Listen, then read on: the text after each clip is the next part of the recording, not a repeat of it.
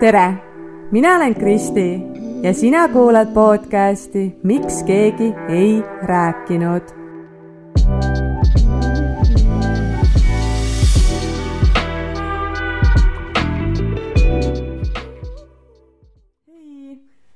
kuidas sul vahepeal läinud on? nädalad ikka lausa lendavad, et ongi jälle käes uue podcasti osa aeg ma sain see nädal lõpuks äh, oma suuremad lapsed lasteaeda saadetud, nüüd täiega pöidlad pihus, et see lõbu kestaks pikalt. ja olengi siin nüüd äh, kolmapäeva üpriski varahommikul juba, juba uuesti lindistamas. ja väga loodan, et ma jõuan siis selle osaga täna õhtuks vähemalt siis äh, ilusti üle vaadata ja ka äh, kuulamiseks äh, üles laadida, sest et on ju kolmapäev ja see on minu podcasti iga uue osa, osapäev.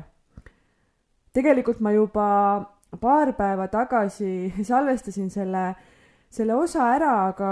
aga kohe pärast, äh, juba salvestamise ajal tegelikult ma, ma tundsin, et midagi nagu kripeldab või, või kuidagi, et ma ei ole selles omas õiges elemendis ja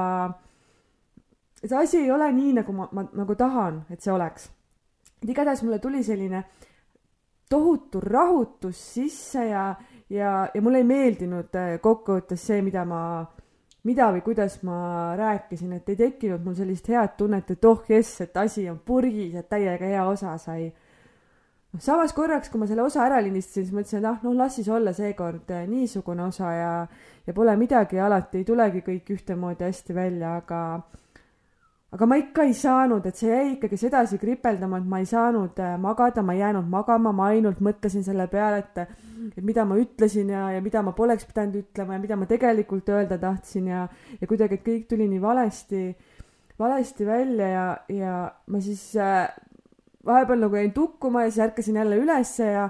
läksin lõpuks, ütlesin öösel Kevinile ka, et ei, et kuule, et ma pean selle osa vist uuesti lindistama, et ma ei saa, et hästi kuidagi tohutu selline vale tunne või rahut-, rahutu olemine oli ja ja kuidagi jah, ma tundsin, et ma ei saa, et kõik läks nagu pahasti ja ma ei saanud edasi anda seda, mis mu eesmärk oli.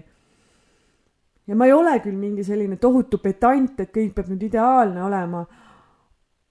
aga samas, kui ma juba seda asja siin teen, eks et siis ma, ma tahan ju seda teha nagu täiega ja korralikult ja hästi ja, ja nii, et ma eelkõige ise tunnen, et ma olen rahul. et ma tunnen ennast hästi, et ma olen elevil selle, selle podcast'i osa, osa pärast ja kõik, kõik siukene, et mitte, et ma ei põe ja ei mõtle, et oh kurat, et nii kehvasti ikka läks ja, ja mulle ei meeldi ja pole tunne õige, et nii, et ma igatahes loodan, et ma, ma täna äh, olen siis nii-öelda selles äh, omas mahlas ja suudan, suudan oma mõtted kõik edasi anda täpselt nii, nagu ma, nagu ma seda plaanin. mul olid tegelikult üldse, võib-olla oligi asi selles, et mul olid esialgu hoopis teised plaanid selleks nädalaks ja, ja tahtsin tegelikult hoopis teisel teemal rääkida, aga, aga ma ise kuulasin ühte teist podcast'i ja, ja kuidagi tuli nagu hästi tugev tunne suhteliselt viimasel hetkel ja ma mõtlesin ümber, et mul on vaja just nagu need asjad praegu hinge pealt ära rääkida ja, ja ma tahan just, just seda teemat hakata lahkama, et, et mingid asjad on kuidagi jah, viimasel ajal nagu ülesse tulnud. Ja, ja igatahes siis äh, ma otsustasin, et, et, et täna ma räägin natukene enda ärevusest, natukene võib-olla mainin ka oma paanikahäiret. Äh, ma räägin oma väga suurest hirmust ja tegelikult ma jõuan ka egoni või egoismini. et äh, hakkame siis aga pihta. ärevus on tegelikult minu üks selline nii-öelda tavaline elu osa.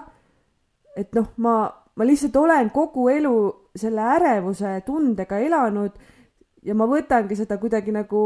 ühte osa endast ja ma olen sellega noh, harjunud või, või see kuidagi, et see on nagu, ma olen harjunud sellisel tavalisel kujul, et a la enne mingeid üritusi või mingeid muutusi, vestluseid, kõnesid, mis iganes sellist, mis ei ole nagu selline päris igapäevane, et, et see, see kohe tõstab minus seda ärevuse tunnet. ja noh, ikkagi arsti juures on vaja käia, sünnipäevasid on vaja tähistada, vahel on vaja helistada kuskile, mulle üldse ei meeldi helistada, mulle ei meeldi, et keegi mulle helistab, mulle ei meeldi telefoniga rääkida, et see tekitab minus ärevust. aga noh, kokkuvõtteks need on ikkagi nagu sellised noh, suhteliselt sellised igapäevased nähtused ja, ja see tähendab seda, et ka see ärevus on mul selline suhteliselt igapäevane ja,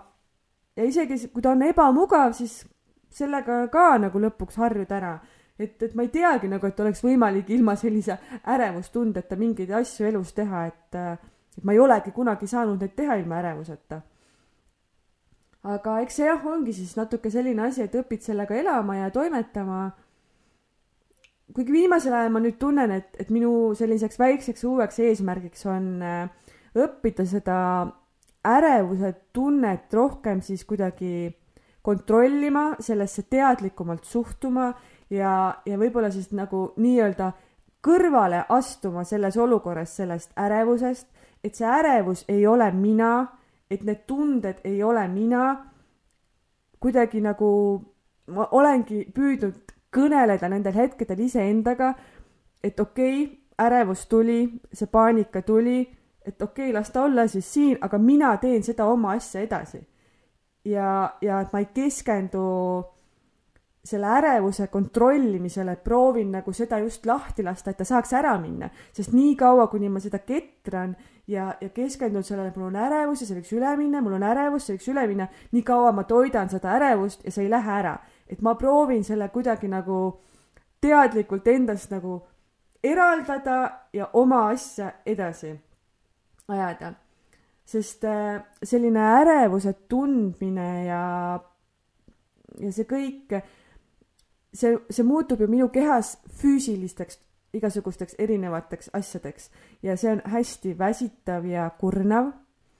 sest et see tunne, kui süda hakkab äh, kiiremini lööma, puperdama, et kogu keha, iga keharakk tuksub äh, selle kiirenenud pulsiga kuidagi samas rütmis, et üle kogu keha on seda tunda. mul hakkab keha kuumama, käed higistavad,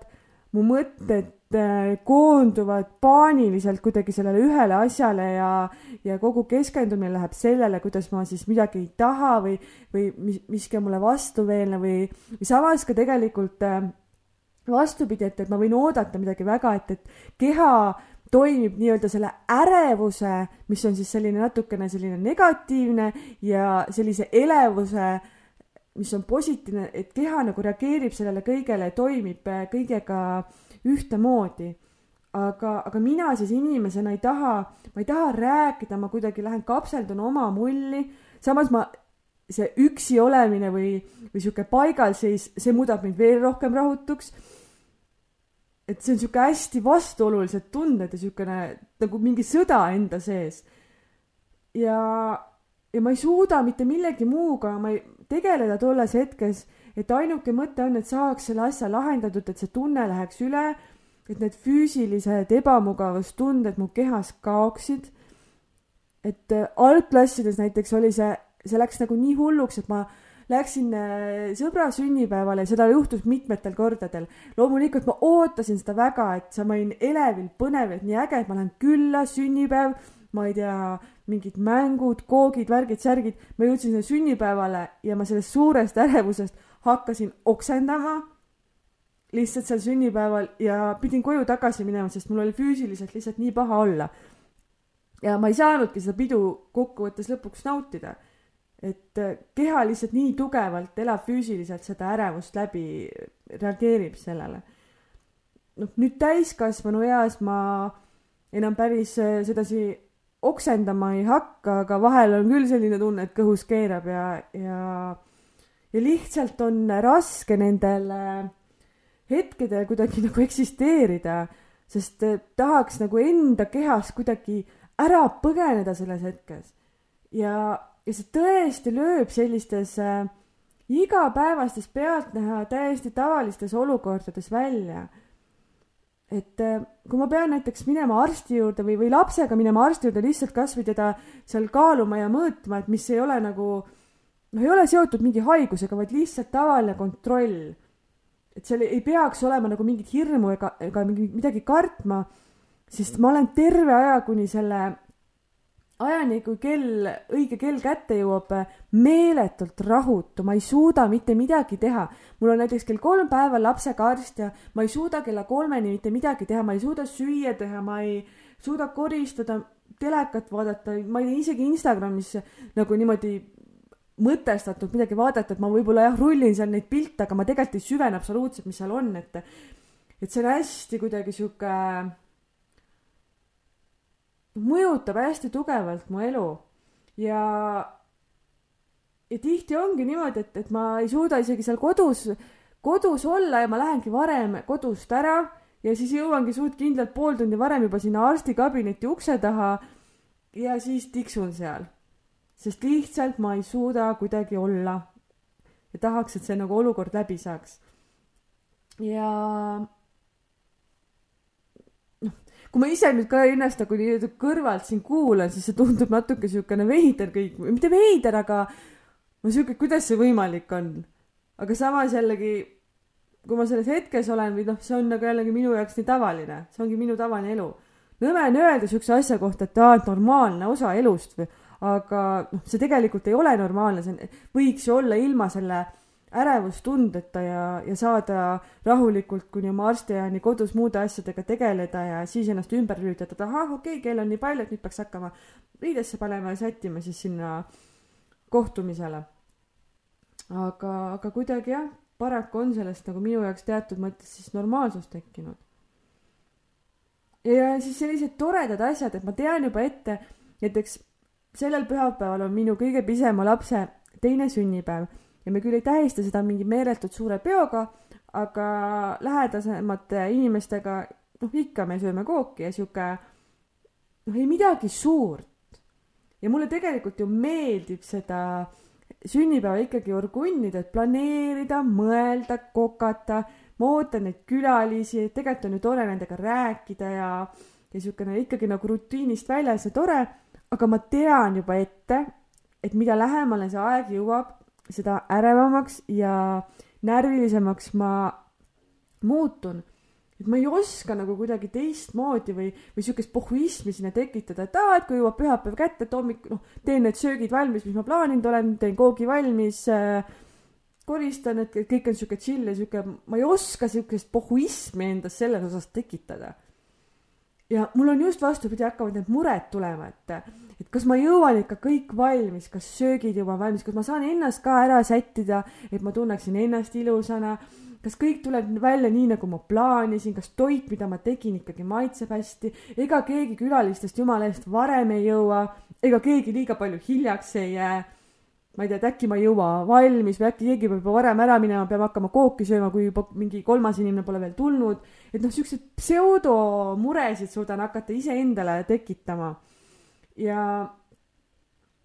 ja need nagu koguvad kuidagi täiega hoogu ja ma ise nagu toidan neid, eh, seda ärevust ja närvilisust sellega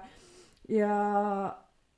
noh, loomulikult siis see hakkab ju mõjutama ka seda, kuidas ma suhtlen oma elukaaslasega, lastega, ma tahan seda rahu saada, et toimetada seal enda asjadega ja, ja võib-olla kärgin ja käitun pahasti nendega, siis ma kuidagi nagu kaotan selle, kogu, kogu selle asja üle kontrolli. ja, ja loomulikult siis tundub teistele ka, et kuule, et see asi ei tasu ära, et miks me teeme neid või miks me korraldame neid sünnipäevasid, kui, kui see nagu nii negatiivselt mulle mõjub, kui see viib minu nagu nii stressi ma ei teagi nagu, mis see põhjus on või mis see täpselt on, et on see ärevus või hirm, on see minu mingi alaväärsustunne ikkagi või ebausk või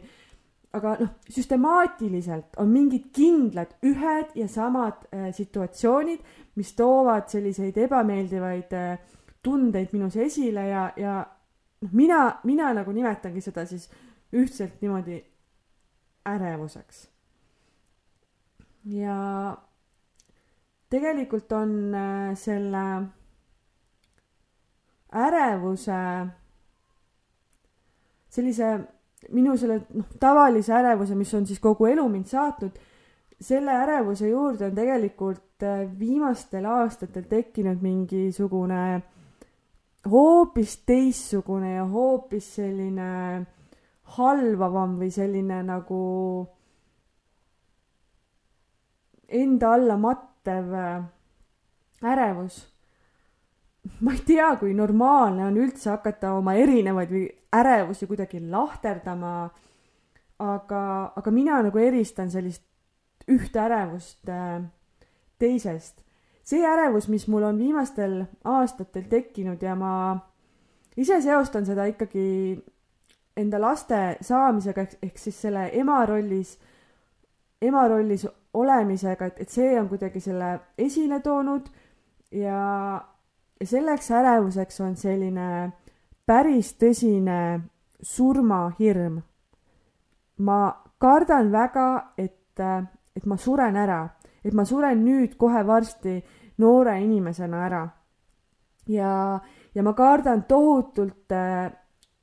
nagu seda teadmist, et ma suren varsti ära, ehk siis et ma saan teada, et mul on mingisugune haigus, mille tagajärjel ma tõenäoliselt suren kolme kuu, poole aasta, aasta-kahe pärast, viie aasta pärast ära, et mul on nagu väga kin-, juba praegu nagu noorena, kui mul on elu veel elamata, on väga kindel teadmine, millal ma ära suren. ma kardan äh, väga, et mul on mingi agressiivne kohutav haigus, mille tagajärjel ma suren ära et ma ei karda seda, et, et ma teen autoavarii või ma ei tea, saan puuga pähe metsas jalutades, et, et sihuke äk, äk, äkiline ootamatu õnnetus, vaid, vaid just siukene mingi haigus, mis lihtsalt, millele mu keha ühel hetkel äh, annab äh, alla. ja, ja ma ei mäleta, et mul oleks sellist hirmu nagu kunagi varem olnud, enne kui ma emaks sain. et äh, arvestades seda, millist elustiili ja, ja missuguseid lollusi ja hullusi ma seal kahekümnendates tegin, siis, siis ei ole küll kuskilt äh, nagu aru saada, et mul oleks kart-, kartmine või, või hirm äh,, kartus või hirm surma ees. ja, ja see ei ole nagu päris nii ka, et mul nüüd täiesti tühjast kohast on sihuke tunne või hirm, et, et ma kardan, et, et ma suren ära, vaid loomulikult mul ikkagi on mingid sümptomid ja siis ma hakkan doktor Värikuks ja suudan endale siis hakata igasuguseid äh, diagnoose panema hakata. et äh, mul äh,, mul vist jah, pärast teise lapse sündi, kui mul teine laps oli äh, päris pisikene, siis äh,, siis ma jah, vist esimene kord oligi siis, kui, kui mul teine laps oli vist paarikuune ja ma, ma leidsin lihtsalt ühel suvalisel õhtul, märkasin oma jala peal siukest väikest kõrgemat kohta või sellist mingit moodustist tükki nagu natuke sihuke, ei ole nagu punn, aga sihuke, ega sünnimärk, sihuke, pigem nagu jah, sihuke arm, mingi natuke kõrgem ja sihuke tumedam koht, kõva tükk.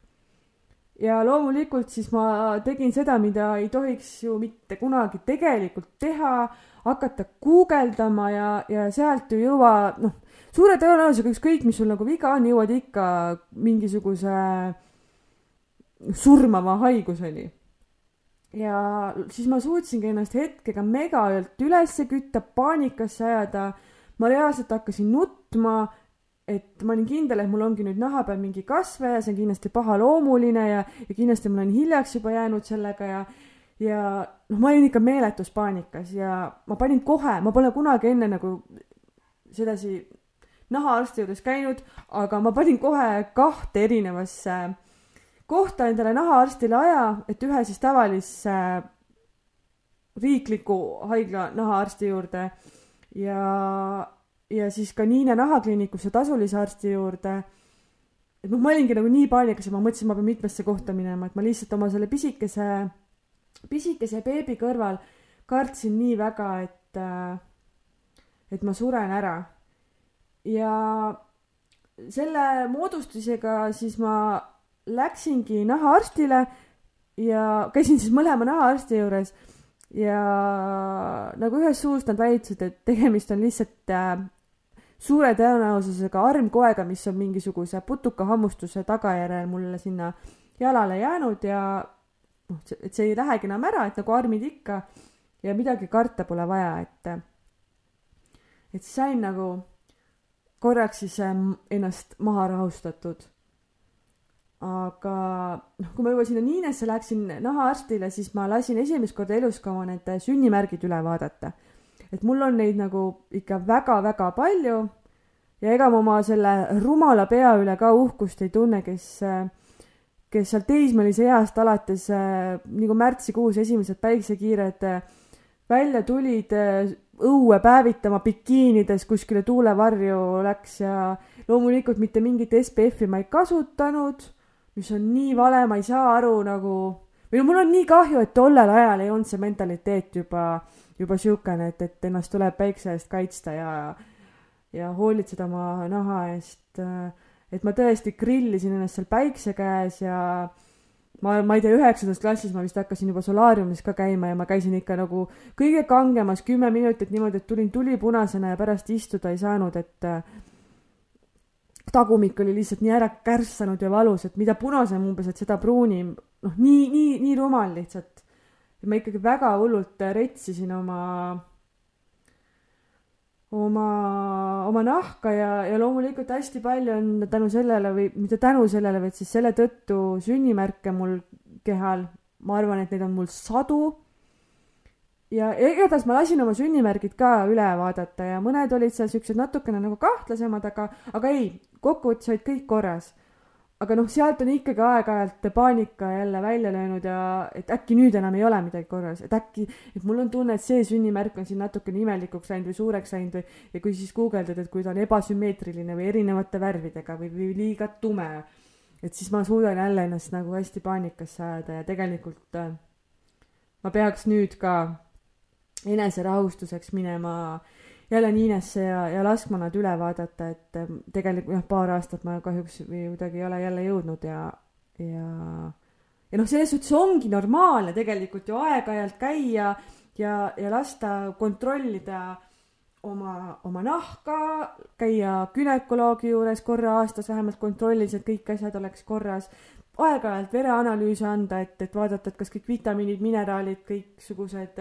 verelibed ja asjad, et kas kõik asjad on normis et just vara, et kui midagi ongi pahasti, et võimalikult vara, vara leida seda või hambaarsti juures regulaarselt käia kontrollis, et, et midagi ei läheks seal väga,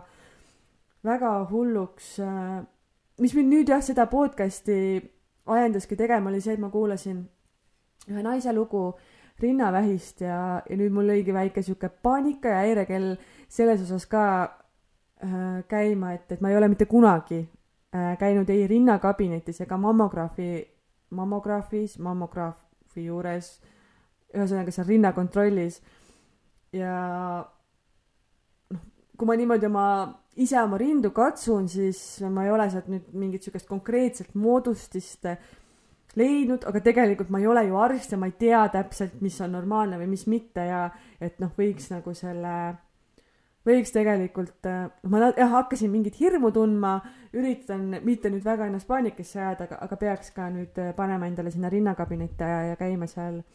seal kontrollis ka ära, et, et võtmagi siukse harjumuse, et kasvõi kord aastas mingid kindlad asjad ära teha regulaarselt, sest siis on ju lihtsalt suurem tõenäosus, et asjad, kui midagi lähebki valesti või, või pahasti kehas, et need avastatakse võimalikult varakult ja mida vara, varem avastatakse, seda suurem lootus on, et see kõik allub ravile ja, ja kontroll on loomulikult väga, väga tervitatav, et, et see on normaalne. aga mina, mina nagu suudan ennast äh, nendest asjadest äh, hästi kiiresti hästi suurde paanikasse ajada ja, ja, ja siis äh, tänu sellele nagu olen endale selle tohutu ärasuremise hirmu kuidagi niimoodi sisse kodeerida, et äkki mul on see, äkki mul on teine, et kuidas neid haigusi avastatakse, äkki mul ei avastatagi, mis siis saab, kui hiljaks jään või äkki mõni asi ei annagi endast märku. Ma olen oma, mul on hästi nagu pikalt olnud probleeme igasuguste peavaludega, et ma eristan oma peavalusid, need on erinevates kohtades erinevat moodi, et pingepeavalud, selline pingelanguse peavalu, migreen ja, ja ma kuna pea ja aju on meie jaoks on nagu nii, nii tähtis äh,, tähtis, siis ma olen suutnud endale ka suures hirmus mingisugused, ma ei tea, skleroosis multipleksid ja, ja mis muud õudsad kasvajad ja asjad sinna pähe mõelda, et, et nüüdki selle ärevuse, paanika, depressiooniga ma jälle nagu hakkasin selle pea üle seal kuidagi hirmu tundma, et äkki mul on ikkagi seal peas midagi valesti, kuna peavalusid on väga palju jälle ja, ja perearst suunas mu kohe neuroloogi juurde ja neuroloog ütles ka kohe, et noh, et ta saab aru, et ma olen stressis, depressioonis, see ärevus kõik, et teeme rahustuseks mulle selle MRT ka, et, et lihtsalt äh, ütles nagu selline magnetravi, mis, mis võtab mult selle pinged maha ja siis ma läksingi sinna MRT-sse vist juba kolmandat korda viimase kuue aasta jooksul. Õnneks sain sealt jälle toreda vastuse, et minu peas ja, ja minu ajus on, on kõik korras. et et, see võttis jah, natukene jälle seda, seda muret mul maha. aga jah, ühesõnaga mul tuleb nipsust mingi tohutu paanika, kui ma midagi enda kehas järsku avastan ja, ja ma olen hetkega veendunud, et mul nüüd, nüüd raudselt ongi mingisugune surmahaigus ja ma ja ma hakkangi ära surema ja siis ma tahan ruttu arsti juurde minna, samas ma nagu ei lähe alati kohe arsti juurde, et ma, et ma veel venitan selle arsti juurde minekuga ka, sest ma nii tohutult kardan, et sealt tuleb see halb uudis. ja, ja siis ma venitan seda aega, aga samas ma suudan, kuna ma olen selles teadmatuses, siis ma suudan ennast nagu meeletult ülesse kütta. et tõesti, ma noh, see on nagu väga, see on haiglaslik, see, see surmahirm ja loomulikult on see ju ka hästi väsitav ja, ja hästi palju minu ressurssidest, ajast, energiast läheb selle, selle pideva hirmu, hirmu tundmise alla, et ma suren ära. kogu aeg karta, et, et mis siis on, kui mul on midagi viga ja seda ei saa ravida ja, ja siis, kui ma näen ja loen kellegi teise mingisuguseid äh, jutte või, või asju, et ma tean, et selle aasta alguses tuli kohe, kui Kristi Ojasaare see tohutult ääretult kurb äh, asi, et, et, et ta suri kopsuvähki, mis oli minu jaoks hästi suur šokk ja, ja veel teisi noori naisi mainiti selle aasta alguses hästi palju, kui, kes olid nagu kahjuks meie seast lahkunud, et see nagu veel, veel rohkem nagu sütitas seda minus, et aga äkki mina ka, et teistele juhtub ka nii ja kõik mõtlevad, et noh, et minuga ei juhtu, aga näed, ikka juhtub inimestega, noorte inimestega. et see on hästi jah, see on nagu tohutult väsitav ja, ja mul on nii palju, ma olen nii palju lugematuid tunde kulutanud selle muretsemise ja paanitsemise peale ja ja oi kui palju siukseid rahutuid ja magamatuid öid ja ja siis ma vaatan oma lapsi ja, ja siis mind ajab nutma ja ma olen nii kurb ja ma olen oma emale nagu nutnud ja mehele nutnud, et, et, mõtle, kui mul on midagi hullu ja äkki ma suren ära ja mis siis saab, kui mul on see ja teine ja kolmas ja siis ma tunnen ennast nagu nii abituna ja et mul ei ole nagu kontrolli, mul ei ole ju tegelikult kontrolli selle hirmu üle kuidagi ja mul ei ole kontrolli selle üle, kui mingi haigus tuleb ja ühesõnaga ma hästi tugevalt ise toidan seda paanikat iseendas ja siis ma mõtlengi jah oma lastele, et mul on kolm pisikest last, kuueaastane, nelja-aastane, kaheaastane. et terve nende elu on ees ja, ja mu süda lihtsalt tilgub verd, kui ma, kui ma mõtlen sellele, et, et mind ei ole järsku nagu nende jaoks või, või noh, see on nagu nii valus ja nii nii raske minu jaoks, et äh, te võite ette kujutada, kuidas äh, sellises äh, hirmus elamine mõjutab minu elukvaliteeti ja kui raske on nagu nendel hetkedel jääda sedasi kahe jalaga maa peale ja mitte mattuda selle hirmu alla. et, et see on nagu, see on nii õudne. ja ma ei, ma ei olnud nagu kunagi nii-öelda sellisele kolmandale isikule, et kes, keegi, kes ei, ei ole, keegi, kes ei ole minu, minu lähedane, et ma ei, ma ei, ma ei olnud kunagi nagu neid tundeid jaganud mitte kellegi teisega. Ja ma ei ole olnud kunagi sellele olukorrale mingist äh, noh, kuidagi nagu kõrvalt vaadanud või mingist teisest äh, nurgast äh, osanud seda hinnata, et kui ühesõnaga jah, ma, ma olen seda ainult nagu vaadanudki ühte nagu reaalsust, et, et ongi haigus ja surm. et nagu mis selle taga tegelikult on või ma polnud nagu laiemalt seda asja kunagi nagu analüüsinud, mõelnud. ja esimest korda, kui ma avasin ennast nüüd äh, võõrale inimesele või, või kuidagi nagu noh, see ei olnud nagu peamine asi, millest me rääkisime, aga et ma mainisin seda hirmu, et ma kartsin, et, et ma suren, et ma kardan, et ma suren ära või et minuga midagi, midagi juhtub, oli, oli siis, kui ma nüüd käisin kevadel Laura Valki äh, juures energiateraapias. ja noh, tegelikult ma läksin sinna nagu võib-olla rohkem selle ärevuse ja, ja selle kontrolli vajadusega, et ma pean kõike saama ise kontrollida ja kui, kui ei ole asjad minu kontrolli all, et siis need nagu muudavad mind ärevaks, et, et selle surmahirmuga tegelikult jah, nagu paralleelselt käibki see tohutu kontrolli vajadus. et ma pean kõike ise tegema, panema sokke pesurestile, eh, juhtima autot, eh, valima lastele riideid äh, et kõik peab olema nagu minu, minu tehtud, minu kontrolli all, sest siis on kindel, et see on, asi on nagu korralikult tehtud ja kõik on turvaline ja, ja samas see ka nagu jälle noh, hoomab nagu nii tohutult äh, suurt äh, osa minu ajast ja minu energiast ja, ja ja Laura, Laura juures seal teraapias olles ma esimest korda nagu mõtlesin, et, et see kontrollivajadus ja see kõik äh, polegi nagu võib-olla nii-öelda mina või minule loomupärane, aga, aga see on nagu sihuke õpitud asi, et ma pean ise, ise, ise, ise. aga see kogu aeg, see ise, ise, ise, see on jällegi tohutult väsitav. meil on ümber inimesed, kellega asju jagada, et ei pea tegelikult nagu kõike ise tegema. Aga jah, noh, me selle surmahirmuga tookord nagu sügavuti ei läinud, et pigem jah, see kontrollivajadus oli teemaks, aga ärevusest ja, ja paanikast rääkisime ka. ja, ja hästi nagu sihuke huvitav asi selle juures on see, et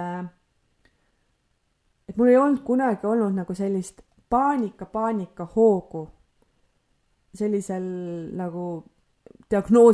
diagnoositud kujul siis või, või, või päriselt sihukest tõsist asja, aga seal me kuidagi nagu puudutasime neid teemasid, vaatasime sügavamale. võib-olla jah, ma hakkasin mõtlema natukene nagu teistmoodi või, või kuidagi suut-, suutsin hakata nagu seda, neid emotsioone kõiki asju nagu endast eraldama. ja vist kas nädal peale seda teraapiaseanssi ma läksin trenni, kus ma olin kogu aeg käinud ja ja siis tuli mul see nagu see tõsine paanikahoog seal trennis. esimest korda elus ja siis ma nagu ei saanud aru, mis minuga toimub, kas ma suren ära, noh, see täiesti nagu crazy. see tundub nagu minu enda jaoks ka ma nagu natuke usun neid uhuu asju, samas ma olen ikka sihuke tõenduspõhise meditsiini usku. Aga, aga ma ei tea, mul on, noh, ma ikkagi julgen öelda, et seal äh, Laura juures seal seansil minus midagi käivitus. nagu ma ilmselt lasin millegist lahti või tunnistasin endale midagi või igatahes äh, pärast seda mul, mul tulid need kõik äh, need paanikahood, ärevus, emotsionaalsus, äh, depressioon, kõik see nagu tuli kuidagi eriti pinnale ja esile ja, ja ma tean, et Laura küsis mu, noh, ta sai ilmselt aru, et ma, et ma hoian ennast seal seansil tagasi, et ma ei lase ennast päris vabaks. Ja ta küsis mu käest ka, et, et, et mida ma kardan ja, ja noh, ma kartsingi seda või kardangi seda valu ja seda raskust ilmselt ja ma nagu seal seansil ka kuidagi ei suutnud ennast vabaks lasta ja ma kogu aeg nagu ikkagi nagu see nutt ja kõik tuli peale, aga ma ikkagi üritasin nagu seda kontrollida ja, ja, ja nagu alla suruda. et ma ilmselt ole, olengi nagu kogu aeg seda kõike nii tohutult alla surunud aga, aga jah, võib-olla pärast seda seanssi siis, kui ma nii-öelda olin oma mingis mugavas kohas ehk trennis, siis ma lõpuks võib-olla lasingi enda keha ja energia ja kõik selle kuidagi nagu nii vabaks ja siis need asjad lihtsalt äh,, lihtsalt hakkasid juhtuma nii nagu ei kunagi varem. et üks asi viib nüüd teiseni ja, ja mul tekkisid need regulaarsed paanikahood kevadest ja iga kord trennis käies just eriti. ja no ilmselt ma olen siis nagu võtma selle valu ja, ja kõik selle, selle vastu ja, ja tegema selle nüüd nagu, nüüd nagu läbi, et ma olen võtnud kuidagi siukse iseendas siukse positiivse tundmise või usu, et, et ma nüüd, ma teen selle kõik läbi, ma võtan kõik selle vastu ja, ja,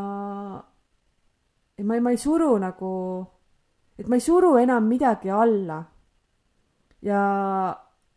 ja kuidagi tahan nagu hästi teadlikult ennast eraldada sellest depressioonist, ärevusest, et see ei ole mina. ja, ja tahan sellega nagu mitte võidelda, vaid selle kõik nagu nii-öelda läbi töötada, et äh, et need meil probleemid, et need teemad saaks lahendatud, mis mul, miski peab ju olema, mis seda kõike vallandab. Ma ei ole veel täpselt aru saanud nagu kõigest, et miks midagi on juhtunud. aga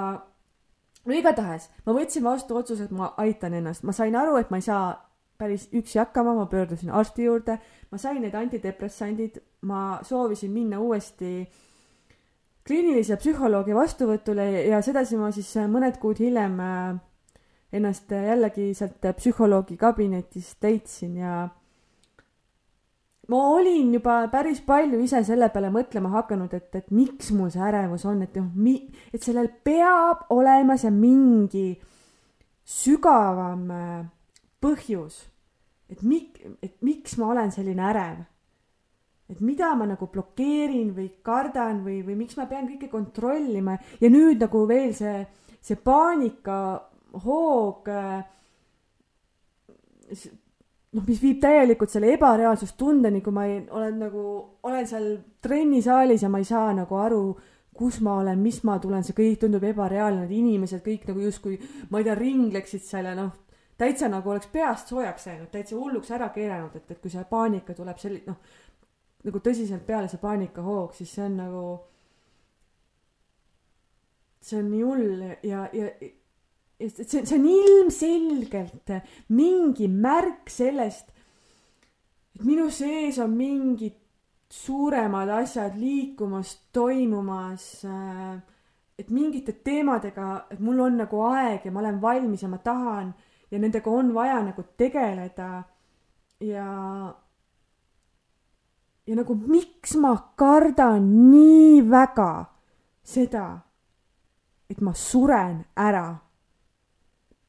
et selleks ei ole ju tegelikult mingit alust, et äh, noh, mul on ikkagi nagu, jah, mul on mingid nagu siuksed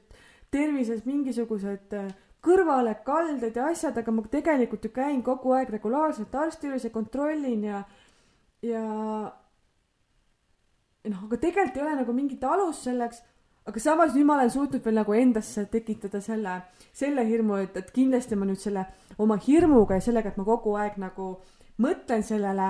et mul on mingi haiguse ja et ma suren ära, et raudselt ma nüüd tõmbangi sellega seda halba energiat ja ma ise nagu,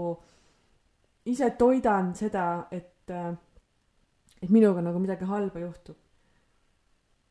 aga nagu kuidagi selle tunnistamine ka endale, et, et, et äkki ma toidangi kuidagi, et ma pean seda muutma. et fakt on see, et ma pean saama sellest surmahirmust lahti, ma pean seda muutma, ma pean nagu siin peab midagi nagu teistmoodi hakkama olema. ja oi, vabandust. igatahes äh, läbi juhuse tahte ma sattusin äh, täpselt sama kliinilise psühholoogi juurde, kelle juures ma just aasta tagasi olin käinud ja ma tegelikult nagu nüüd perearst tahtis mind saata ja ma ise ka tahtsin minna ühe teise psühholoogi juurde aga kuidagi mingid ajad ei klappinud ja ma vahetasin aegu, aga ma ei tulnud selle peale, et mul nagu see psühholoog ära vahetatakse. ja läksin sinna kohale ja vaatasin, oi, et väga tuttav nägu. aga no vot, ma olen jälle siukene, et äh, ju mul oli vaja tema juurde minna ja tegelikult ma klapin temaga hästi, ta nagu inimesena ma olen hästi avatud ja, ja julge temaga ja ja ju mul oli siis vaja niimoodi, et ma ikkagi ikkagi satuksin tema, tema sinna diivanile taaskord nutma ja et iga asi juhtub mingi põhjusega ja kõik, mis peab juhtuma, see juhtub, et see on nagu minu moto olnud juba mingi viimased, ma ei tea, kaksteist, viisteist aastat. Et äh, igatahes ma läksin sinna psühholoogi juurde ja, ja ma tundsin, et täna on nagu see aeg, kus ma tahan äh, temaga siis rääkida sellest äh, ärasuremise hirmust ja et ma tahan sellele asjale otsa vaadata. ja ma ütlesingi talle, et, et ma kardan paaniliselt seda, et ma suren ära, et ma saan teada, et, et mul on mingisugune XY haigus, mille tagajärjel ma nüüd teatud aja pärast suure tõenäosusega suren ära, et mu elu saab kohe varsti otsa. et ma pean selle teadmisega elama, et mul on ainult mingisugune teatud aeg ja sealt lõpeb mu elu ära ja ma rohkem ei saa elada. ja noh, tema jaoks seal nagu tundus, et kohe midagi nagu keerulist või uut ei olnud, et et noh, kohe ütles ära, et mul on terviseärevus ehk siis ma seiran oma keha hästi tähelepanelikult, iga valu, iga ebamugavustunne või nii-öelda sihuke midagi, kui midagi on nagu teistmoodi, et see annab mulle kohe põhjuse muretsemiseks. ja, ja kuna nüüd nagu tulid need paanikahood ka veel lisaks, siis mul on ärevus nende kordumise ees ning hirm, et, et mul on hirm, et, et aga mis siis, kui see paanika ikkagi pole paanika, vaid mul on päriselt midagi viga et ma olen sellise tohutu siukse nõiaringi iseendale oma peas tekitanud. ja, ja nii me siis hakkasime lahkama seal äh, seda, seda minu hirmu ja, ja psühholoog küsis mu käest, et okei okay,, et, et, et kui sa sured ära nüüd, et mis siis saab? Et kas, et, et, et mis see stsenaarium nagu on või, või et kas ma kardan kardan, kardan seda, et mul on hästi valus ja piinarikas haigus või, või kardan ma seda, et, et mis mu lastest siis edasi saab. ja noh, minu esimene mõte või see tunne on küll kogu aeg, et, et lapsed. ma hakkasin mõtlema, et ei, et noh, ma ei karda valu või ma ei karda nagu sihukest hääbumist või või, või, või mingeid ravisid või ma ei tea, ma noh, niisuguseid asju, et ma ei karda nagu neid asju. ja, ja kui ma mõtlen nagu sellele, et mis minu lastest saab, et okei okay,, et ma nüüd su-, surin täna ära, et mis minu lastest saab, siis äh, noh, loomulikult on kurb ja neil on kindlasti kurb, et neil ei ole enam emmet ja nad igatsevad mind, aga aga nende elu tegelikult ei jää ju sellest äh, seisma. Et nemad õpivad siis niimoodi uutmoodi elama ja neil on super isa, kes kindlasti annab endast äh, täiesti maksimumi ja ja, ja kasvatab neist äh, normaalsed äh, täiskasvanud inimesed ja ja, ja nemad kõik elavad oma elu ja teevad oma asju ja ma väga loodan, et, et et nende ellu tuleb keegi uus naisfiguur, kes neid siis omaks võtab ja, ja ma tean, et neil on nagu vanaema ehk minu ema, kes on nagu kindlasti nende jaoks olemas ja toetab ja, ja armastab neid ja et ma nagu ei ka-, ei karda, et nüüd nende eluga midagi halba juhtub. või, või et äh, keegi ei aita neid või et nad ei saa siis nagu kasvada kuidagi täisväärtuslikult. et see ei ole üldse see, mida ma ka nagu kardan. ja ja siis me hakkasimegi vaatama, et aga mida ma kardan. ja mina tunnen, et või siis hakkas mul nagu üles tulema neid asju, et, et ma kardan seda, et mina ei näe, kuidas minu lapsed suureks kasvavad. et mina ei näe ega ei saa minna nende kooli lõpetamisele, plaksutada neile seal. Äh, ma ei näe, milliseid, millised kaaslased neil on, ma ei näe, kuhu nad tööle lähevad. Ma, ma ei näe oma lapselapsi, ma ei näe, ma ei saa hoida neid uusi pisikesi inimesi. et mina ei saa nende elust osa, et mina ei saa elust osa, teised saavad, mu mees, mu vanemad, mu sõbrad, nad kõik näevad, kuidas minu lapsed kasvavad suureks, millist elu elavad, aga mina ei näe seda. et mul on nagu see kadedus, et mina ei taha jääda sellest ilma ja teised saavad. et mina tahan sellest, mina tahan seda rõõmu ja neid kogemusi ja, ja, ja et nagu mina, mina, mina. ja psühholoog vaatab mulle otsa, et ahaa, et see on nagu egoistlik soov, egoistlik hirm ilma jääda, mitte osa saada. ja mul oli nagu täiega mingi sihuke heureka, et, et ma nagu asi ei olegi nagu selles suremises. otseselt, et ma ei kardagi nagu seda surma, ma ei karda surma, vaid, vaid ma kardan seda teadmist ja seda, et mina ei saa elust osa. Et ma tegelikult vist tahan nagu nii väga elada. ja ja ma kardan nagu, et ma jään sellest ilma ja siis psühholoog küsis mu käest, et, et aga mida sa praegu teed? et kas sa elad praegu või? ja siis ma olin, et äh, nagu täiesti nagu puuga pähe saanud, et et ma, ma nagu eksisteerin. aga ma elan kogu aeg selles tuleviku hirmus, et ma ei ela ju praeguses hetkes, vaid ma elan selles, ma raiskan kogu aeg oma aega praegu sellele, et, et ma kardan, kardan ära surra ja keskendun nagu kogu aeg sellele. ja kogu see fookus ja energia, kõik läheb sellele hirmule. ja ma ei tea ju vaata, mis ette nagu, ma ei saa ette teada neid asju või mul ei ole seda tulevikku. mul on ainult nagu see praegune hetk. ja et ma kardan egoistlikul tasandil elu elamisest ilma jääda. aga ma olen niivõrd rumal praegu, et ma praegu ei ela ikka. ja ühel hetkel muutus kõik nagu nii klaariks, nii nagu loogiliseks või selgeks, et, et,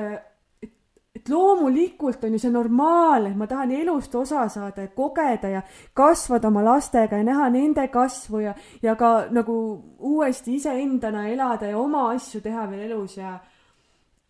ja et minu jaoks ongi oluline, et ma saaks nagu veel kaua elada, et see on täiesti loogiline, normaalne. aga, aga jah, siis see järgmine küsimus, et kas ma praegu nagu elan, siis ma elan nagu mingit hirmu, ma elan ebareaalsust, ma, ma, ma ei ela oma reaalsust, vaid ma elan enda välja mõeldud mingisugust asja ja, ja raiskan sellega tegelikult nagu ülipalju ülipalju oma aega, mis on nagu nii jabur ja kuidagi nagu sihuke, ma ei tea, see on nii põnev ja huvitav samas, noh, see on raske, ega, ega see nagu nipsust ju üle ei lähe, aga see hirm. Aga noh, sealt hakkas nagu nii palju igasuguseid küsimusi mul nagu veel üles kerkima ja siukseid äh, vastuseid tulema ja see oli vist kuu aega tagasi, kui ma seal äh, psühholoogi juures käisin ja ja ma olen nagu nii paljude asjade peale hakanud mõtlema, et, et, et ma kardan midagi, mis nagu niikuinii juhtub, et fakt on ju see, et me kõik sureme ühel hetkel ära. me, me keegi ei tea ette tegelikult nagu, millal me sureme või mis juhtub. Et äh, loogiliselt suure tõenäosusega ma, ma elan ju veel mingisugune nelikümmend, viiskümmend aastat. seitsmekümne, kaheksakümne aastaseks, ma arvan, et ma elan ikka, on ju, mis on nagu normaalne ja jah, igaüks meist võib homme ära surra, võib täna ära surra, me ei tea seda ette aga nagu seda võtta endale nagu mingiks kinnise teeks ja nagu elada mingit enda mingit, enda mingit lugu, mida me hakkame ise, mõtlen ise mingi loo välja, mis tegelikult ei ole üldse reaalne ja hakkan nagu seda lugu elama, et ja, ja mul on nagu hästi nagu tugevalt nagu ma küsisingi nagu reaalselt iseendalt, et, et kas ma tahan nagu praegu seda enda enda hetke, mis mul praegu on, kas ma tahan seda millegile mõttetule raisata, mis ei ole üldse reaalne, või, või ma tahan elada, et kui ma tahan elada, siis miks ma ei ela, hakka kohe elama praegu. nagu come on, nagu mida sa teed, naine? et äh, ma kardan mingit oletust või uskumust või noh, see kõik muutus järsku nagu nii jaburaks minu jaoks ja, ja noh, ja me ei saa ja ma nagu hakkasin mõtlema, et noh, ma ei saa kõike kontrollida, et kui mulle tuleb mingisugune haigus, siis ta lihtsalt tuli. Jah, ma saan praegu selles mõttes endast kõik anda, et ma saan tervislikult elada, toituda tervislikult, puhata piisavalt, liikuda, olla õnnelik, mitte stressata. et ma võin teha endast kõik, aga lõpuni ma nagunii seda kontrollida ei saa. ja, ja nagu lasta lahti sellest. teha sellega rahu, et ma ei saa kõike kontrollida. Ja, aga ma ei pea ette nagu mingi asjaga tegelema, mida veel ei ole. kui see teema peaks tulema mingil hetkel minu ellu, okei okay,, siis tuleb sellega nagu täiega tegeleda, onju. aga miks ma praegu kulutan seda aega sellele, et äh, paraku on nagu, elu on elu ja nagu kuidagi jah, ise elan selle nagu nii keeruliseks, paljud elavad selle nagu mõttetult keeruliseks, et elu on tegelikult hästi lihtne. aga millegipärast nagu lapsena me võtamegi seda elu nii lihtsalt, aga millegipärast kuidagi see elu voldib meid selliseks, et ühel hetkel nagu mitte millegist suudet-, suudame nagu mingisuguse suure jama endale kokku, kokku keerata, et, et see on nagu nüüd minu jaoks see koht, millega ma tahan õppida rahu tegema, nagu olema teadlik, nagu ma just enne ütlesingi, et, et mul ei ole mõtet muretseda asjade pärast, mida ei ole ja kui need tulevad, siis alles nendega tegeleda, võib-olla need ei tulegi. elada hetkes ma ei kontrolli kõike, ma ei peagi kõike kontrollima. ma, ma pean nagu, nagu ma tahan elada, see tähendab seda, et ma tahan teha neid asju, mis mulle meeldib. ja vot see ongi nagu see, kuhu see fookus kõik peab minema. et ma ise teen lihtsalt järjepidevalt, igapäevaselt, iga hetkega neid asju, mis mulle, mis mulle meeldib et äh, kuidagi jah, see surmahirmu ja egoismi vahele siukse võrdusmärgi tõmbamine suutis mind nagu kuidagi maha rahustada. või, või aru nagu see surm on ju, noh, räägid surmast, see on siuke must masendav asi, hirmutav. ja ilmselt see kuidagi veel rohkem nagu äh, kurnas aga kui ma nagu jah, sain nagu selle asja enda jaoks mingiks eh, teiseks asjaks eh, ümber sõnastada, et, et, et see, see on egoism, see on ego, mis minus räägib, see on egoistlik hirm. Ja, ja pöörata selle hirmu nagu just siis nagu tegutsemiseks, et, et see kuidagi nagu, see teadmine, mis ma tollel päeval seal psühholoogi eh, kabinetis sain või see avastus või kuidagi see nagu suutis mind natukene juba maha rahustada ja ma tunnen, et see on nagu selline hea koht, kust, kust endaga nagu tööd tegema hakata ja, ja, ja ma üritangi endale nüüd rohkem rääkida ja keskenduda sellele, et ma tahan elada ja kogeda ja mõelda nendele asjadele, mida ma teha tahan ja tegutsema hakata. Hoida oma mõtteid positiivsena, et mitte jah, sellises hirmus elada ja noh, see on loomulikult jälle väga suur kindlasti töö iseendaga, ma tunnen, ega noh, mustrid, mis on nagu aastaid meile, aastate jooksul tekkinud, et neid ei saa nagu üleöö murda. et, et oma mustrisse langemine sellesse mugavasse kohta, see nagu on hästi kerge tulema.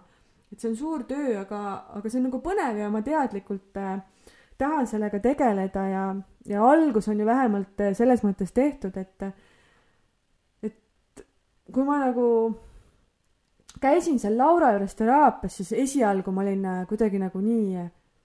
pettunud, ma, ma ei tea, ma ootasin mingit ülevoolavat eufooriatunnet vist sealt teraapiast või tema energiast või kuidagi nagu. ma olin pettunud, et ma nagu, alguses ma nagu tundsin ennast hästi halvasti ja kurvalt ja, ja pahasti ja tundsin, et see ei ole nagu seda väärt, kuidagi mingi mõttetu raha läks sinna alla. aga praegu ma arvan, et, et ma nagu tänu sellele kogemusele ja nendele ootustele kuidagi suutsin lõpuks ennast iseendale avada ja, ja nagu iseenda ees aus olla ja võtta nii-öelda selle, selle valu vastu, mida ma võib-olla tema seal seansil ei julgenud teha aga, aga ma kuidagi nagu hiljem julgesin ja mingid asjad aktiveerusid ja tulid ülesse ja, ja ma arvan, et siit on nagu niisugune tohutu, tohutu kasv iseendana ja kuidagi nagu sihuke vabastav ja, ja see tundub jälle sihuke uhhuu ja ummamuudu ja ma ei tea, mis iganes, et et sihuke kergus, et kas see võib nagu reaalne olla ja, ja nagu Laura ise hästi palju, ma Instagramis ikka jälgin teda, hästi palju mainib seda, et, et elu võib olla kerge ja lihtne ja, ja nagu nüüd ma nagu kuidagi tunnen, et, et kuule, ta jutus on nagu, nagu mingid tõeterad ikka täiega sees, et see naine tegelikult teab väga hästi, mida ta räägib. et, et väga kihvt. ja ja kuidagi see laste saamine on noh, loomulikult nagu mind kasvatanud ja niisugune enesekindlamaks naiseks kasvamine, äh, rohkem teadmine, mida ma elult tahan, on mulle ju tekitanud niisugust eluisu ja, ja noh, sellest jah, mingist eeskujust või mustrist ma kujundasin selle kuidagi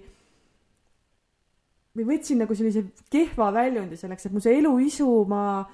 muutsin ümber selleks äh, hirmuks. et nägin läbi selle prisma seda kuidagi või et ma jah, mu eluisu on hästi-hästi suur ja tahe, aga ma ei hakanud nagu elama, vaid ma kartsin vastupidist. et ma kartsin nii hullult ilma jääda ma klammerdusin nii selle, sellesse kinnihoidmisesse vist. et äh, ja, ja tänu sellele kõigele ma tegingi nüüd oma elus sellise otsuse, et kõik need kogemused ja, ja olukorrad, kõik inimesed, kõik asjad on tulnud, et kõik on nagu muutuv. tulevad, lähevad, ka inimesed, see on mul ka nagu, ma tahan sellest kindlasti ka varsti rääkida, inimesed, sõbrad, inimestest lahtilaskmine, et see on minu jaoks ka üks sihuke omaette päris äh, raske, raske asi ja lahtilaskmine ja sihuke, et, et, et nagu mõista seda, et kõik inimesed ei olegi mõeldud meie ellu jääma. aga, aga tegelikult on nagu kõik, kõik on tulnud nagu midagi õpetama, midagi õpetama teiste kohta, elu kohta, minu enda kohta. ja minu ülesanne on lihtsalt aru saada, et nagu mida mida ma, mida ma sain õppida siit või mis, mis see oli, see õppetund ja siis võtta sellest maksimumi, et võtta see õppetund endaga kaasa ja nagu rakendada seda enda elus. et, et kas see paanika tuli mulle selleks, et ma hakkaks ometi elama ja päriselt asju tegema. et kui see surmahirm tuli seal trennis peale, et täitsa nagu piiks on ju, et, et täitsa pekkis, et nüüd ongi kõik võib-olla. Kuidas see pani mind võitlema selle eest, et sellest jamast tuleb välja tulla. ma pean võitlema, ma tahan elada, ma tahan teha asju, ma seisan enda eest. et, et hakka päriselt asju tegema, hakka elama. Et nii on ju tegelikult nagu väga ilus mõelda, et, et jah, see tuli, et, et elu on meie heaks, see tahab meile head. ja me saame nagu kõike vastu võtta, kõike head, kui me nagu ise oleme vabad ja, ja võtamegi avasüli käed laiali vastu, mitte ei blokeeri nagu seda, mida ma olin seni tegelikult teinud, ma saan ise aru et ma, ma tundsin kogu aeg, et mul ei ole midagi, ma ei saa midagi, ma ei oska midagi, aga ma ise olin nagu nii plokis. ja, ja nüüd ma nagu tunnen kuidagi ise nagu sealt mingit meeletut tahet päriselt võtta hetki ja, ja olla ja nautida, olla kohal, mitte kogu aeg kasvõi mõtetes ette rutata, ma ei tea, mõelda, ma pean seda, teist, kolmandat, ma pean seda koristama, seda tegema, tulevikus elada, äh, prokrastineerida kogu aeg igasuguseid asju, et, et, et tegelikult ma saan ju ise ka aru, et ma ma olen olnud siin kuus aastat lastega kodus, see on nagu ikka väga suur, suur osa minu elust. kui ma olen kolmkümmend üks, siis kuus, kuus aastat on põhimõtteliselt üks viiendik minu elust. Et ma olen olnud lastega kodune, aga ma ei ole olnud viimased aastad kindlasti, ma ei ole olnud lastega kodus. ehk et mind ei, ma ei ole olnud tegelikult üldse kohal ja, ja ma olen nagu nii mandunud. ja niisugune, niisugune mõttetu kuradi, ma, ma ei tea, sihuke, ma ei saa isegi öelda nagu kodukana, aga sihuke mammi lihtsalt mingi tükk. et, et kuidagi nagu kuni selle nagu praeguse krahhini, kus ma järsku nagu puuga pähe sain elama hakkama, et elu ise näitas ja tuletas mulle meelde, et, et tegelikult mina ise olen enda jaoks kõige tähtsam, mina ise tahan elada. mina ei taha, ma tahan osa saada, mina, mina, mina ja ma, ma olengi egoistlik ja see on hea. et selles mõttes, et nagu iseenda number üks tegelikult peabki olema. ja, ja mul on nagu ainult see minu üks elu. mul on ainult see praegune hetk siin. ma ei tea, mis kahe tunni pärast on, mul on praegune hetk siin, ma naudin praegu, ma teen nagu kogu südames seda asja siin. ja, ja mul on, on see valik, et kas ma elan seda hetke või ei no kurat, loomulikult ma elan. et ma, ma ei taha enam raisata, ma, okei okay,, see nagu, mis on olnud, see on olnud, ju on mulle olnud vaja neid õppetunde, värke-särke, onju, et, et jõuda nagu siia punkti, kus ma praegu olen ja ma ei tea, mis edasi saab ja siit kindlasti saab veel rohkem kasvada ja avastada kõike, onju. aga, aga ma nagu jah, kuidagi ma võtan seda kogemust või, või seda kõike nagu võimalust, et mul on uus lehekülg, mul on uus peatükk, ma olen mina ise rohkem kui kunagi varem. ma olen valmis endaga palju tööd tegema ja et igasuguseid mustreid murda. samuti, et ega see surmahirm nüüd jah, niimoodi päris üleöö siin ära ei kao. aga, aga ma näen kogu seda asja kuidagi hoopis teisiti ja olen nagu oluliselt teadlikum. Ma proovin end äh, tõesti selles suhtes äh, aidata ja, ja lõpuni minna ja oma raviga lõpuni minna ja selle depressiooniga tegeleda ja aru saada, et, et nagu, et miks ma niimoodi nagu mandun, sest mul nagu nii-öelda pealtnäha ju ei ole elus midagi valesti, et mul on lapsed, mul on mees, mul on kodu, meil on raha, meil on süüa, mul on riided seljas, mul on sõbrad mul on hobid, ma saan jalutamas käia, ma saan trennis käia, et nagu noh, siuksed baasasjad on tegelikult kõik olemas. aga, aga miski ju ikkagi nagu valesti, et, et see ajukeemia ja see kõik nagu niimoodi praegu on, et, et äh, nutma ajab ja niisugused depressiivsed mõtted ja kõik asjad, et, et et, ma tahan nagu ennast aidata ja ma tahan välja tulla ja ma saan aru, et see, see ei ole nagu asi, mis on päevade või nädalate küsimus, et, äh, et me räägime siin ikkagi nagu äh, aastatest ja, ja ma tahangi käia vajadusel arsti juures kontrollimas, ruttu äh,, rahustada ennast maha, tõestada endale, et minuga on kõik hästi ja, ja kõige sihuke esimene ja, ja lihtsam samm ongi lihtsalt nagu tullagi siia praegusesse hetke ja olla siin, siin kohal. ja, ja teha neid asju, mis on praeguses hetkes vaja teha ja mida ma tahan teha. ja anda nagu endast parim. et äh, ühel päeval on mu parim üks, teisel päeval on mu parim teine, et, et mõni päev ma jõuan teha sada tuhat asja ära ja ja olla õnnelik ja voolav ja naiselik ja kõik jutud. ja teine päev on mu parim see, kui ma lihtsalt äh, teen silmad lahti ja, ja lihtsalt nagu elan selle päeva üle. et äh, üks asi, mis on nagu minu jaoks nagu, nagu nii suur ja nii tähtis, et mul on nii tore öelda üle pika aja nagu päriselt, et ma naudin ka lastega koos mängimist ja olemist ja, ja, ja ma olen nagu kuidagi suutnud nii rahulikuks jääda ja, ja isegi kui nendel mingid tantrumid peal on, et ma jään rahulikuks, ma jään iseendaks, ma, ma kuidagi kontrollin ennast äh, oluliselt rohkem, sest ma olin enne ikka täiesti olematu süütenööriga. Mis ma saingi nagu ise aru, et, et lapsed nagu kannatavad tohutult, et ma pean endaga nagu midagi ette võtma, et nemad ei ole tegelikult mitte milleski süüdi. ja need on minu teemad ja minu asjad ja ja noh, loomulikult on siin oma osa ka antidepressantidel, aga aga ma saan nagu uhkusega öelda ka seda, et see on mu teadlik valik. et, äh, et ma panengi selle telefoni kõrvale, et ma ei pea seal kuskil Instagramis scroll ima ja nagu kuidagi mõtteid mujale viima, vaid ma võingi nendega seal mängida ja möllata ja naerda ja, ja meil on lõbus ja et võtage kasvõi selle nagu mingi viis minutit ja olla nagu nii kohal ja meil on nii tore ja, ja see kohe peegeldub, peegeldub ka nendest, et, et nendel hetkedel, kui ma, kui mina ise ikkagi ei jaksa, siis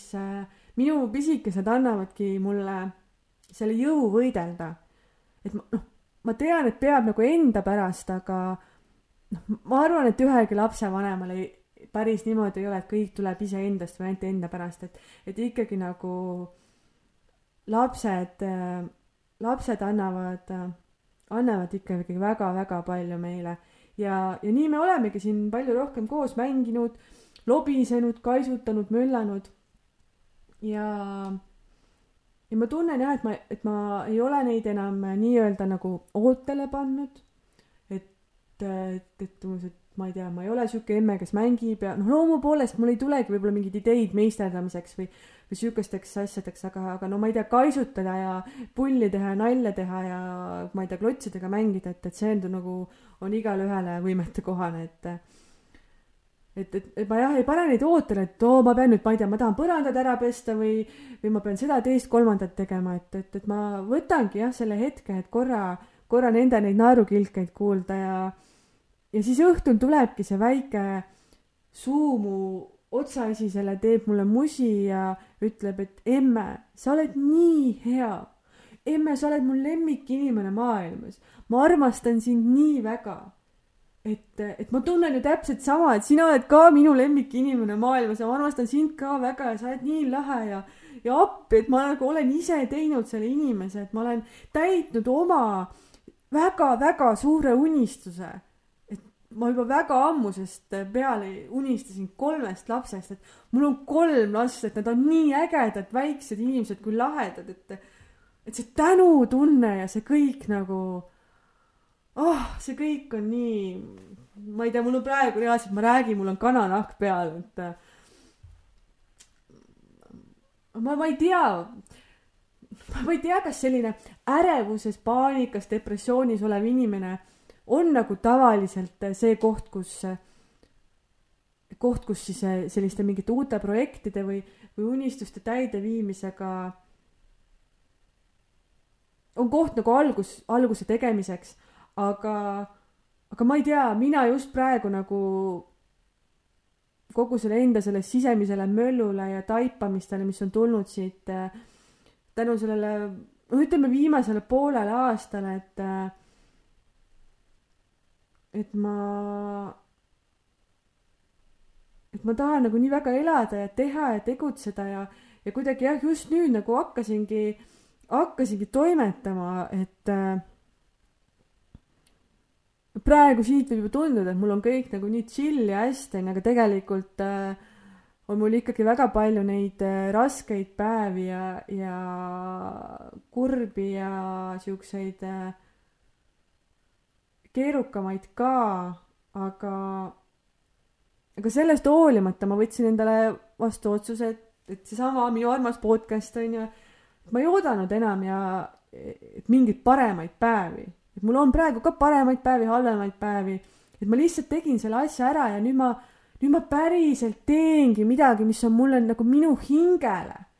midagi, ma, mida nagu ma nii naudin ja nagu öeldakse, siis süües kasvab isu ehk, ehk unistada mulle ju meeldib tohutult väga. ja, ja mul on neid palju ja, ja tulebki järjest sinna toimetada ja neid täitma hakata. et äh,, et kihvt, ma ei tea. sellised ülevoolavad emotsioonid äh,, emotsioonid mul täna ja, ja sihuke, sihuke oli see see tänane minu lugu, mida ma tahtsin, tahtsin jagada, et kuidas ma tegelikult äh, ärevusest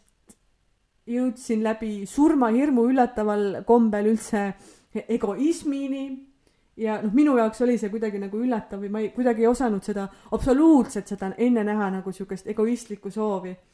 et, et see soov elust osa saada. et ma ma, ma nagu täiega kavatsen olla see lahe vanaema, kes lastega läheb lõbustusparki, et proteesid lendavad eest ja ma ei tea, küpsetada neile maailma parimaid kaneelirulle, mille tegemist ma juba praegu hoogsalt olen harjutanud ja ja muidugi no ongi, et iseennast nautida, oma teist ja kolmandat noorust nautida, reisida, karjääri teha, äkki ka ma lähen kunagi tööle ja, ja, ja teen neid täiskasvanud inimeste asju, et et kogeda ja õppida ja kihvte. et äh, selline oli igatahes see minu äratuskell, et kuule, mama, ära kopita, vaid aja lõpuks oma tiivad sirgu ja lenda kõrgelt. ja ma loodan, et, äh, et sina said täna ka siit ehk mingeid võib-olla uusi mõtteid või, või äh, avastusi ja, ja võib-olla natuke siukest positiivset äh,, positiivset energiat või, või, või siukest indu juurde ja, ja võib-olla see paneb mõtlema sellele, et kuidas ikkagi igast nagu, igat praegust hetke tuleb väärtustada, et see on ju see ainuke asi, mis meil on kindel, see praegune hetk ja naudi elu, tee täna midagi mõnusat endale, naudi ennast, veeda oma lähedastega aega, poputa ennast, õhtul lähed koju, teed endale mingisuguse mõnusa õhtusöögi, vaatad võib-olla mingit tekijal head sarja, paned küünla põlema, teed endale tassi mingit, ma ei tea, mõnusat piparmündid teed ja siis äh, lähed võtad meigi maha, puhastad oma näo teed näomaski, oled, kammid oma juukseid, kreemitad ja siis poed oma mõnusasse voodisse, puhkad ennast uueks päevaks jälle välja. Et, et tee endale ja, ja tee oma lähedastele kalli ja, ja head ja ja ega muud siis ei olegi, et tõmbame nüüd tänaseks ka need otsad kokku ja, ja, ja kohtume siis juba järgmisel nädalal. et tšau ka